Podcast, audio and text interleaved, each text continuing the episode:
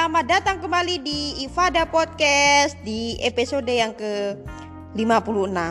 Nah, seperti biasa buat lo yang suka mendengarkan dari episode awal sampai episode sekarang Berarti lo sudah uh, suka, menyukai suara gue yang sangat uh, menurut kalian ini sangat bagus atau tidaknya. Pokoknya kita harus menghadirkan episode-episode terbaru dalam setiap harinya. Nah, di episode yang kali ini membahas tentang mengenai liburan di luar negeri. Nah, atau eh, warga Indonesia yang bekerja di luar negeri pulang ke Indonesia lagi. Omikron itu sekarang lagi jam menjamur di seluruh dunia. Bakal beritanya di AS itu eh, kemarin itu uh, sampai kasusnya itu per hari ya. Uh, Omikron itu mencapai 400 ribu lebih. Nah tapi nggak tahu sekarang gimana. Gue juga kemarin lupa uh, melihat berita-berita gitu.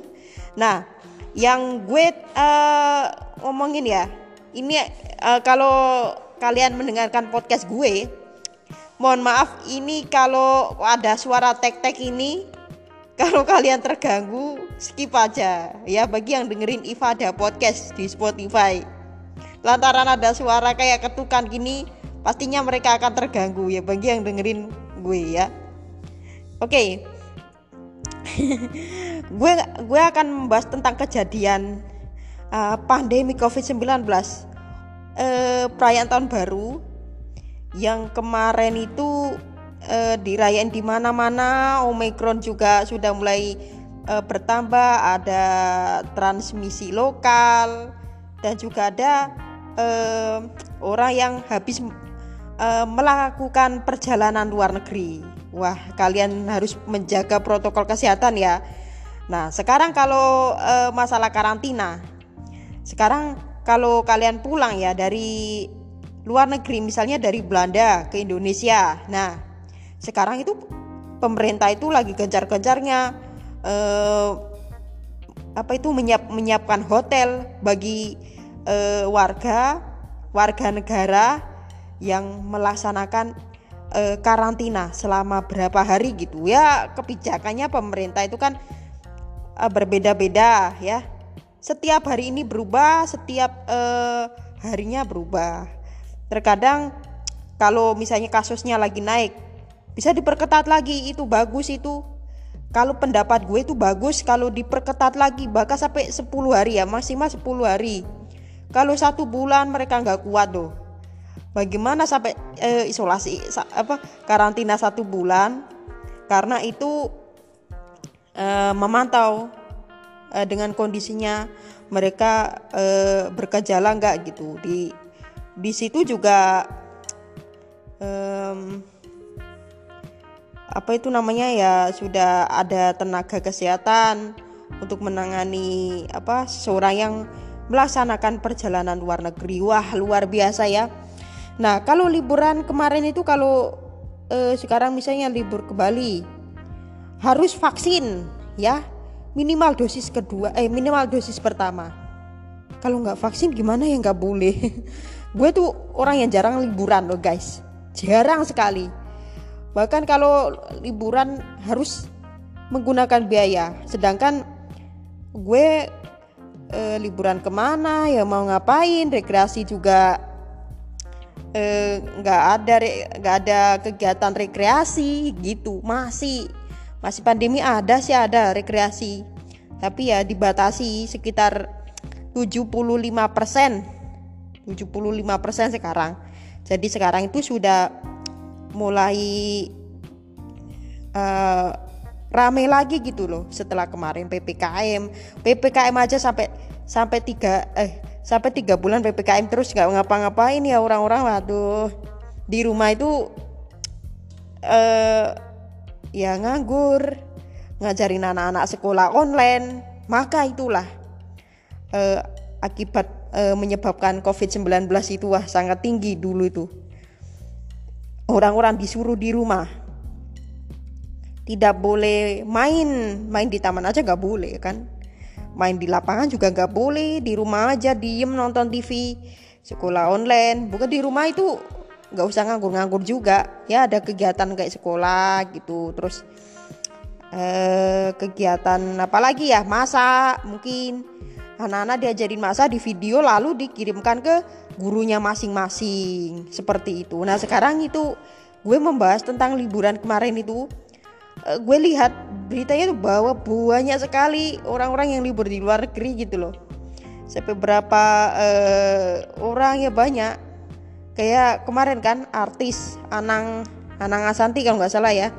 Sama Aurel Ata itu kan jadi sorotan mereka kan habis liburan ke Turki Turki akhirnya kalau akhirnya gue baca beritanya tuh Asanti itu tiba di Indonesia dengan kondisinya kena COVID-19 gitu ya kena Omicron ya kalau nggak salah habis e, melakukan perjalanan luar negeri. Nah, harus karantina sesuai prosedur pemerintah, guys. Nah, kalau sudah kayak gitu, gejalanya Omikron itu apa sih? Sebenarnya gejalanya itu ringan. Ringan atau tanpa gejala. Pokoknya harus menjaga protokol kesehatan deh gitu, wes. Udah kalau kayak gue lihat beritanya itu ya. Uh, Omikron itu kayak uh, kalau gimana ya gejalanya kayak apa itu biasa pilek pusing nyeri badan terus apa lagi gitu loh banyak sekali. Uh, sekarang lagi naik. Di luar negeri jangan keluar negeri dulu. Ya untuk menghindari penyebaran omikron banyak sekali sudah kena. Dan gue juga belum melihat lagi untuk beritanya COVID-19 itu seperti apa sih. Gitu COVID habis ini gue lihat deh beritanya. Ngomong-ngomong vaksin itu rata-rata mereka yang kena Omikron itu sudah divaksin. Maka eh, harus menjaga protokol kesehatan ya untuk menghindari penyebaran COVID-19 jangan sampai kendor makanya pemerintah sampai mengingatkan eh, masker masker vaksin vaksin. Nah, buat kalian yang eh, seorang yang berasal dari luar apa dalam negeri untuk menjaga eh, terjadinya COVID-19 atau eh, menjaga eh, mencegah eh mencegah eh, varian Omicron termasuk. Wah luar biasa. Pemerintah itu pemerintah Indonesia itu hebat sekali ya. Kalau apa apa itu semua itu yang dilakukan adalah kebaikan dari warga semua. Kita kan sebagai warga Indonesia harus mematuhi apa yang diperintahkan pemerintah. Tapi sampai jangan sampai rakyat itu jangan sampai nggak makan. Ingat ya dulu ppkm itu banyak sekali jualan yang sangat mengeluh nangis. Karena kenapa?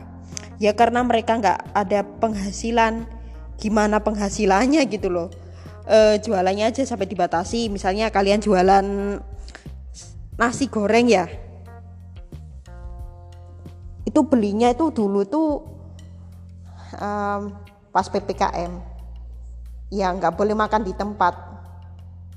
Uh, di bawah uh, atau take away atau pesan dari uh, driver ya semacam aplikasi itu deh apa aplikasi kayak Gojek kayak Grab gitu loh aplikasi pesanan gitu. Ada makan ada eh, motor ada GoPay segala itu loh guys.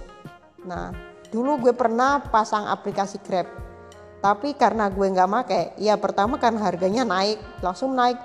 Kemarin eh, gue sebelum pandemi gue masih ingat itu pas naik Grab harganya itu 8000 loh 8000 iya beneran naik langsung bulan nggak tahu ya entah bulan Oktober atau eh, November 2019 Grab itu langsung naik sekitar 16 ribu 14 ribu atau kok langsung lima kali lipat dua kali lipat bahkan naiknya seperti biasalah dua kali lipat itu kan sangat meresahkan bagi orang-orang yang yang gimana ya orang yang gak mampu gitu. Bagaimana kalau orang mampu ya biasa aja mereka kan dapat penghasilan sendiri dari payahnya dari pekerjaannya setiap bulannya. Makanya uh, kalau men, apa kalau ada pemesanan-pemesanan itu misalnya harganya 50 ribu pun nggak masalah. Itu namanya naik taksi online gitu kan. Sekarang apa-apa sudah canggih jadi harganya pas-pasan gitu. Kalau sebelum pandemi kita kerja di mana aja ada tawaran aja ada gitu. Tapi sekarang di era pandemi ini kita nggak punya uang. Satu nggak punya uang ya terus ya uang ada terus susah makan. Nah, berasnya habis. Ya seperti itu. Bagi orang yang kaya ya nggak apa-apa nggak masalah gitu loh. Di era pandemi ini apa-apa serba sulit apa-apa serba sulit. Ya termasuk kerumunan juga masih dibatasi ya. Pokoknya kita doakan semoga pandemi ini cepat uh, berakhir di seluruh dunia supaya konser-konser di luar negeri artis-artis luar negeri bisa masuk ke tanah air lagi. Siapa kira-kira? Gue tunggu kehadirannya BTS deh ya. BTS itu merupakan boyband yang Korea yang sekarang lagi digandrungnya anak-anak muda uh, masa kini. Termasuk lagu-lagunya yang kemarin sama Coldplay itu. Yes kolaborasi sama BTS nah, sukses akhirnya gitu. Lagu yang Universe itu ya sampai masuk ketiga di chart Spotify mingguan. Seperti itu. Di di chart Spotify mingguan. Nah bagi pendengar Ifada podcast um, liburan di luar negeri misalnya di Asia itu banyak sekali eh, kemarin yang dilakukan para artis atau para orang-orang biasa atau TKI TKI itu juga. Tapi kalau pas datang ya harus ke karantina biar nggak menulari warga-warga eh, di rumah. Misalnya kalian dengan keadaan sehat nah ya terus di rumah ada orang sakit. Yang termasuknya adalah kaum, kaum lansia kaum lansia yang rentan kena COVID-19 rentang ter, tertular COVID-19 apalagi Omicron kan yang cepet banget gitu. Kok masih ingat dengan varian Delta ya gue ya? Kalau varian Delta itu kejadiannya pada Juni atau Juli. Sekarang Omicron. Nah itu kalian harus menghindari dengan cara gimana? Kalau sesudah pulang ke luar negeri kalian harus karantina. Karantina di hotel yang sudah disedia eh, yang sudah disediakan oleh Satgas penanganan COVID-19 di seluruh Indonesia. Benar gak itu?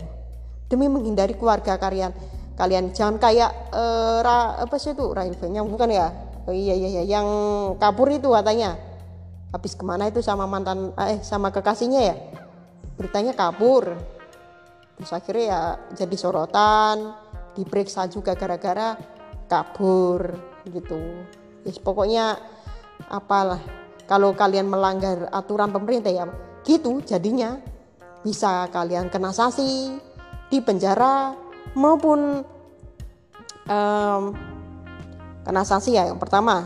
Penjara terus hukuman maupun uh, ancam pidana itu selama berapa uh, lama gitu loh ya. Nggak tahu sih itu itu kasus yang terjadi antara Oktober eh antara kemarin ya bulan eh tahun 2021 tapi bulannya lupa gue tapi gue uh, pernah dengar antara kasus kaburnya uh, Rahel V-nya itu. Pokoknya itu jangan kalian tiru. Itu sangat jelek gitu kan sangat buruk sekali. Bisa sampai keluarga kan keluarga kalian terkena COVID-19 mending jagalah keluarga kita lindungi dari penyakit yang menular ini. Nah di liburan makanya kemarin itu pas tahun baru gue sudah bahas podcast-podcast sebelumnya. Kalian dengerin aja podcast dan sekarang gue mau bahas liburan. Dengan liburan pariwisata pariwisata sampai ditutup loh. Ya di mana itu? Di Surabaya atau di mana? Itu pas tahun baru aja. Pas mau menjelang tahun baru tepatnya tanggal 31 Desember. Gue lihat beritanya di eh, Tribun kalau nggak salah. Atau cari di Google aja deh sendiri. Wah itu sepi banget ya sampai pedagang trompet-trompet itu eh, tahun lalu malah nggak boleh jualan katanya. Karena masih ada pembatasan. Tapi sekarang kalian sudah bisa berjual lagi tapi penghasilannya itu sangat dikit. Misalnya kalian jual jam gini ya. Jam jam wis wis. Tanggal 7 ya eh, tanggal 31 um, sekitar uh, jam berapa ya? 7 kalian berangkat tanggal 31 Desember. Kalian berangkat ke apa itu? Ya ke bisa ke lapangan atau ke tempat keramaian. Yang jual itu sedikit ada kemarin itu gue lihat itu beritanya ya penjual trompet di tahun 2022 ada berapa gitu? Ada 20 orang eh 20 trompet. Lumayan katanya. Daripada tahun dulu kan gak bisa menghasilkan uang.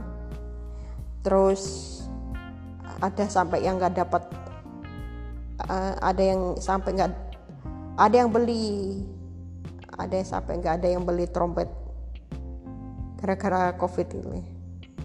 Pokoknya kita jalankan protokol kesehatan dengan men, uh, jaga jarak mencuci tangan memakai masker menjauhi kerumunan membatasi mobilitas kalian semua.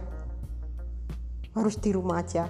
Tapi kalau di rumah kan lama kelamaan kan bosan ya juga. Bosan gua aja bosan. Itu loh maksudnya. Kalau di rumah aja bosan covid yang awal-awal ada April 2020 ah, bukan 2021 gitu wah sampai luar biasa ngeri banget gitu. Eh, puasa-puasa gitu loh.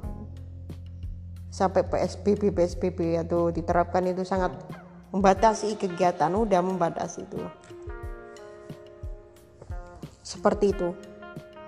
Ya pandemi ini pokoknya sampai sekarang itu gue berdoa semoga uh, benar-benar berakhir. Apalagi ini sudah memasuki tahun kedua ya. Tahun kedua. Rencananya kalau tahun kedua ini ya mudah-mudahan kasusnya rendah kita bisa konser lagi bisa tampil. Wah kalau kemarin gue udah bisa tampil alhamdulillah. Sudah rame banget. Tapi gue jarang pakai masker. Habis pakai masker pas awal acara setelah itu gue lepas gue kalau memakai masker ya orangnya itu udah kebiasaan pakai masker. Tapi kalau gue kebiasaan gimana ya? Bisa-bisa aja mulut gue tuh keluar keringatnya.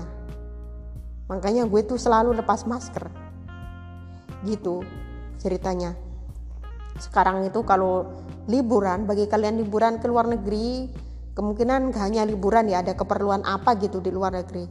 Kemungkinan mau ketemu sama sanak-sanak sanak kadang eh, paman-paman kalian bibi kalian yang lagi di luar negeri atau eh, bibi paman kalian sudah menikah di luar negeri kalian ingin menjumpai di sana ya kalau di bandara harus wajib melakukan uh, pemeriksaan kesehatan ya seperti